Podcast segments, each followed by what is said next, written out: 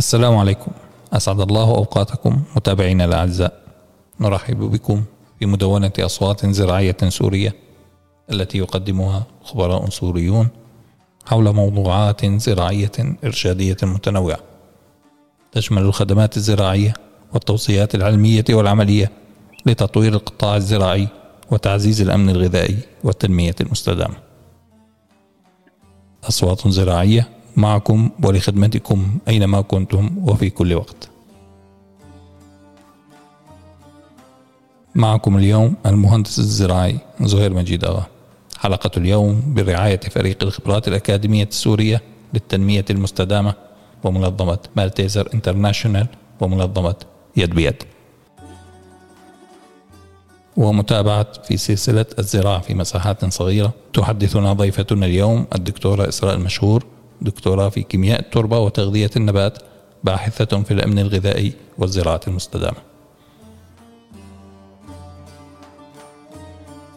أهلا وسهلا بكم مرة أخرى دكتورة.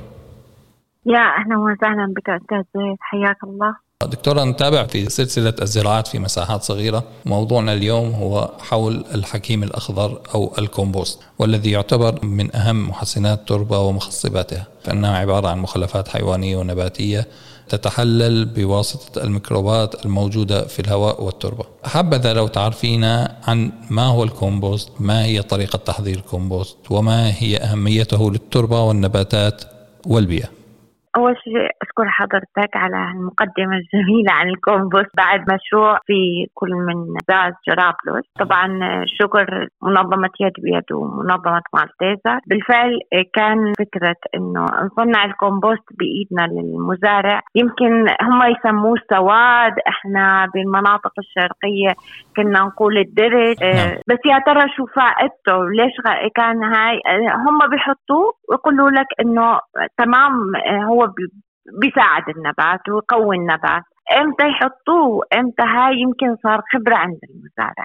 ما أخذوه بطريقة علمية يمكن صار بالنسبة لهم حلو تنفيذه وبالفعل نفذوه بنفس التدريب اللي توجه لهم نفذوا الطرق بالحدائق المنزلية شفناه نفذوه بكوما وشفناه نفذوه بالوعاء. وكان جميل جدا. طبعا السماد العضوي معروف للكل إنه خلينا نقول شوي أهميته ليش النبات تحتاجه لأنه يحتوي على العناصر الغذائية سواء الكبرى أو الصغرى، طبعا ليش إضافته؟ لأنه هو عبارة جيد التحلل، لازم يكون خالي من بذور الحشائش والمسببات المرضية. طيب شو بيضيف السماد هذا لل... شو بيعمل؟ يعمل تحسين خصائص الفيزيائية للتربة، طبعا لما يتحلل السماد العضوي عندنا رح نعطي استقرار لبناء التربة تحسين من قدرة التربة على الاحتفاظ بالماء.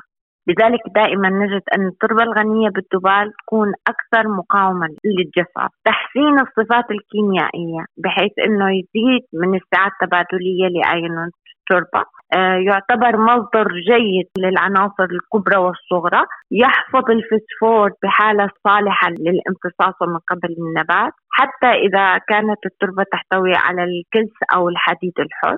خفف من تثبيت البوتاسيوم بالتربة. ينشط الذبال خلينا نقول تأثير الأسمدة المعدنية المضافة. زيادة النشاط الحيوي. تعرف إنه بيحتوي على الكائنات الحية الدقيقة. آه، يحافظ أيضا على نسبتها ويزيد منها. يجعل من التربة وسط حي نشط لذلك يعتبر أساس النشاط الميكروبي الحيوي بالتربة هو إضافة الكومبوست والسماد العضوي.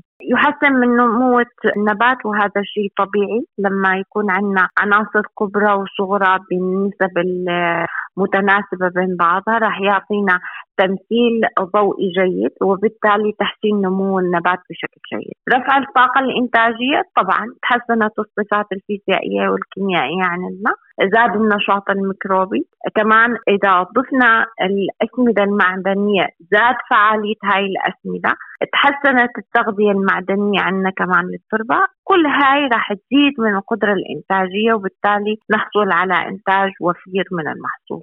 كيفية تحضير الكومبوست؟ بالتدريب تم شرح إنه ممكن نحضره بعدة طرق منها التحضير بوعاء أو برميل. شرحنا للمزارعين أهمية إنه الاحتفاظ بالأوعية الكبيرة عندنا. ممكن تكون بوعاء يستخدموه ربات المنزل الكبار هو للمخلل للتخليل أو لحفظ الماء. صاروا ممكن قلنا لهم إنه تستخدموه لصناعة هون الكومبوست. إذا كان بطول مثلا 120 سم أو عرض فيه ممكن يكون له الفتحة من الأعلى وفتحة جانبية من الأسفل مع ثقوب طبعا لضمان التهوية نصحنا المزارعين بوضعه بمكان مظلل خارج المنزل.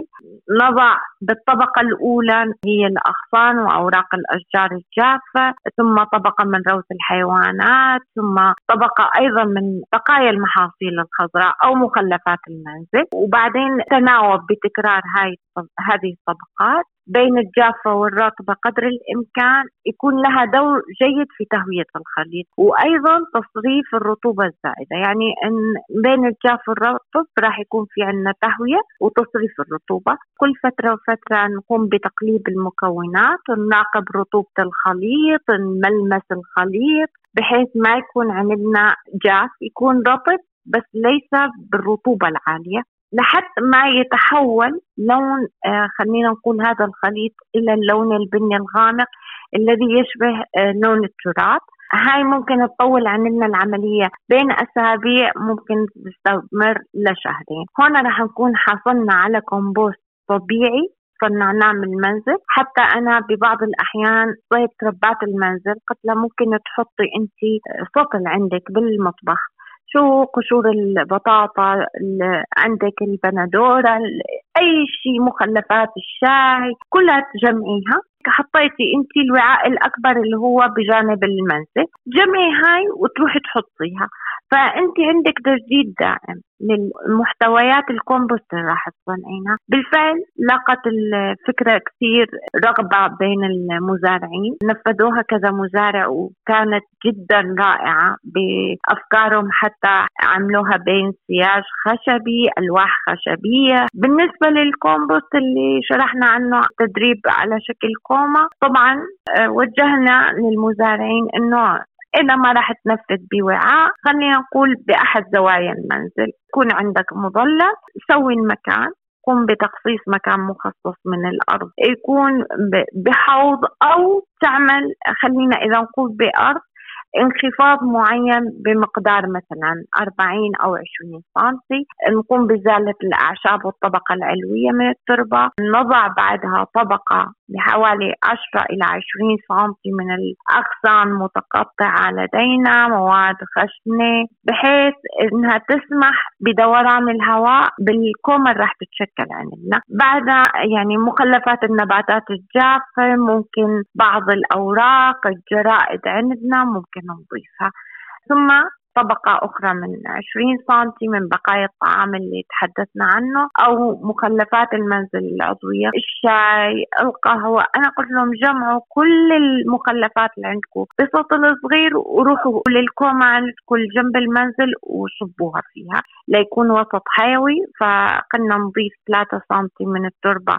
كمصدر للكائنات الحية الدقيقة. ومن ثم طبقة أخرى من مخلفات الحيوانات. طبعا إن وجدت. تنويه أنه كثير من المزارعين طبعا هم مربين للثروة الحيوانية فكانوا بالفعل يقوموا بجمع المخلفات وإضافتها للكومة. آه، نصحنا بتغطية الكومة هاي بشرائح بلاستيك بالجو البارد. بلاستيك عندنا نستخدمه. بعدها كل فترة من فترة لازم نراقب الكومة ونرطبها ونحاول كل فترة وفترة نقلبها. وجهنا كثير نصائح إنه في عوامل عديدة تؤثر على سرعة التحلل منها الطقس حجم الحفرة آه، كمية المواد المتخمرة تخمر المواد الخضراء اللي هي يعني المواد بقايا الأغصان. كمان وجهنا أنه لازم دائما نحافظ على آه، تهوية الخليط. هناك بعض الأخطاء تظهر عند تحضير الكومبوست. مثلا إذا كانت الرائحة نتنة خلينا نقول مثل رائحة البيض المعفن فهي سبب المشكلة عدم تهوية الخليط. أو إنه يكون رطوبة عالية. فنصحنا إنه لازم نقلب بشكل دائم الخليط. إذا كانت الرائحة تشبه النشادر أو قلنا لهم النيتروجين معناته نسبته تكون عالية لازم معناته نضيف مواد غنية بالكربون اللي هي القش أو, أو الأوراق الجافة إذا لقينا إنه الخليط عندنا حالته إنه مو متحلل أو في جفاف معناته انخفاض بنسبة الرطوبة. معناته لازم نرش الخليط بالماء ونحرص على تقليبه. الخليط إذا كان رطب أثناء الجو البارد ويكون كمان الخليط بارد. معناته قلة النيتروجين في الخليط. شددنا على إنه نضيف القليل من روث الحيوانات. ليش؟ لأنه راح يعطي القليل من الحرارة بالإضافة إلى تنشيط الكائنات الحية الدقيقة. ترفع من نسبة النيتروجين بالخليط. هاي أهم مراحل تحضير الكومبوست. طبعا شرحنا للمزارعين أنه عندنا كذا نوع من الكومبوست. ممكن الكومبوست نفسه اللي حضرناه ممكن ناخده ونضعه بقطعة قماش. ونضعه في وعاء كبير وننقعه كذا يوم. يعطينا منقوع من الكومبوست. هذا الكومبوست ممكن نستخدمه كسائل ممكن مباشرة نسقي فيه بيساعد مباشرة على آه، تسريع عملية النمو النبات كمان وجهنا أنه هناك كومبوست من تفل الزيتون هي عبارة عن مخلفات عصر الزيتون إلها قيمة غذائية عالية بالنسبة للنبات. مخلفات التقليم يمكن حاليا الأكثر عم بيستخدم هاي التقليم للتدفئة بس نصحنا أيضا من استخدامها لتصنيع تحويلها إلى كومبوست وطبعا هذا راح نضيفه هذا الكومبوست للمزروعات لهم وللأشجار المثمرة. طبعا في ال vermicompost هو كومبوست دودة الأرض آه، شرحه يطول. آه، إن شاء الله رح نخصص له حلقة كاملة أستاذ زهير. إن شاء الله. لأنه بإذن الله تعالى. يعني حبيت أعطي أهم أنواع الكومبوست اللي ممكن نكون نقدر نستخدمها آه، عندنا المزارعين لتسميد وتخبيط النبات عندهم وتسميد الأرض. ما شاء الله ما شاء الله. معلومات غزيرة وقيمة جدا. دكتورة في نهاية كل حلقة نأخذ من مشاركينا أهم النصائح والتطبيقات التي نوجهها للمتابعين ومستمعي مدونة أصوات زراعية. فحول موضوع الكومبوست والمخلفات النباتية ما هي أهم النصائح والتطبيقات التي توجهينها لمستمعي مدونة أصوات زراعية؟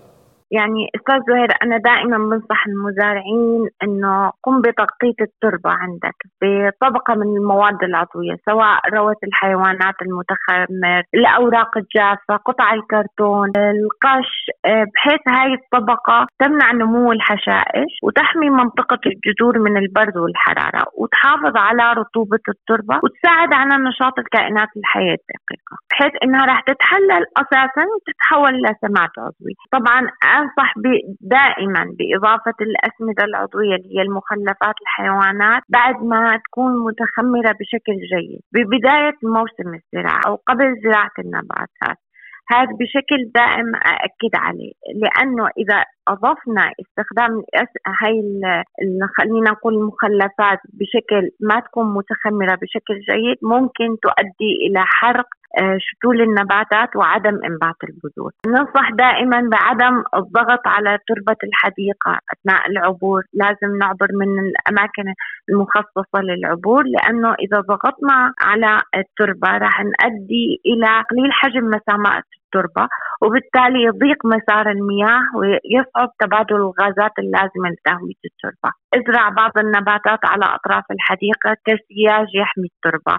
من انجراف واكد إنه ممكن زراعة الأشجار المثمرة أو زراعة الأشجار السرو هي إضافة جمالية أيضا للحديقة. آه، كمان أنها تحبس مياه الأمطار اللي ممكن تساعد على انجراف التربة. عند تخطيط التربة لا إذا كانت التربة بشكل مائل يجب انه نكون نخططها على شكل مصاطب أو حفر أو خنادق صغيرة أو نرصف الحجارة أو الحصى بشكل عرضي مع الميول لتجميع المياه وبالتالي زيادة رطوبة التربة ومخزونها من المياه نقوم بزراعة محاصيل مختلفة من النباتات والتناوب في زراعتها بنفس المكان بحيث تكون عندنا دورة زراعية مصغرة. لأنه كل نبات استهلاكه محدد من العناصر المعدنية وتكرار المحصول نفسه يؤدي إلى استنزاف المعادن اللازمة للنبوة هاي أغلب النصائح اللي دائما أوجهها للمزارعين وأتمنى أنه نلاقي أرضنا كلها خضراء مع أنه للأسف قام يتم قطع الأشجار للتدفئة لكن بإذن الله قريبا يتحول الغطاء كله للأخضر. إن شاء الله شكرا إن شاء لحضرتك وشكرا للمدونات أصوات زراعية. حقيقة آه، أنا أشاركك بالدعاء وعسى بتضافر الجهود إنه نستطيع تجديد الغطاء الأخضر لسوريا. في نهاية الحلقة إن شاء الله. شكرا جزيلا لك دكتورة إسراء المشهور على هذا الوقت والمعلومات القيمة. شكرا جزيلا. كما نتوجه بالشكر لكم متابعينا والفريق الإداري والتقني لمدونة أصوات زراعية. يسعدنا التواصل معكم عبر مواقعنا على الإنترنت ووسائل التواصل الاجتماعي. كما نرحب برسائلكم ومقترحاتكم لمواضيع ترونها مهمة لتغطيتها في حلقات قادمة بعون الله. تابعونا في حلقات قادمة. نستودعكم الله ونتمنى لكم مواسم خير وبركة.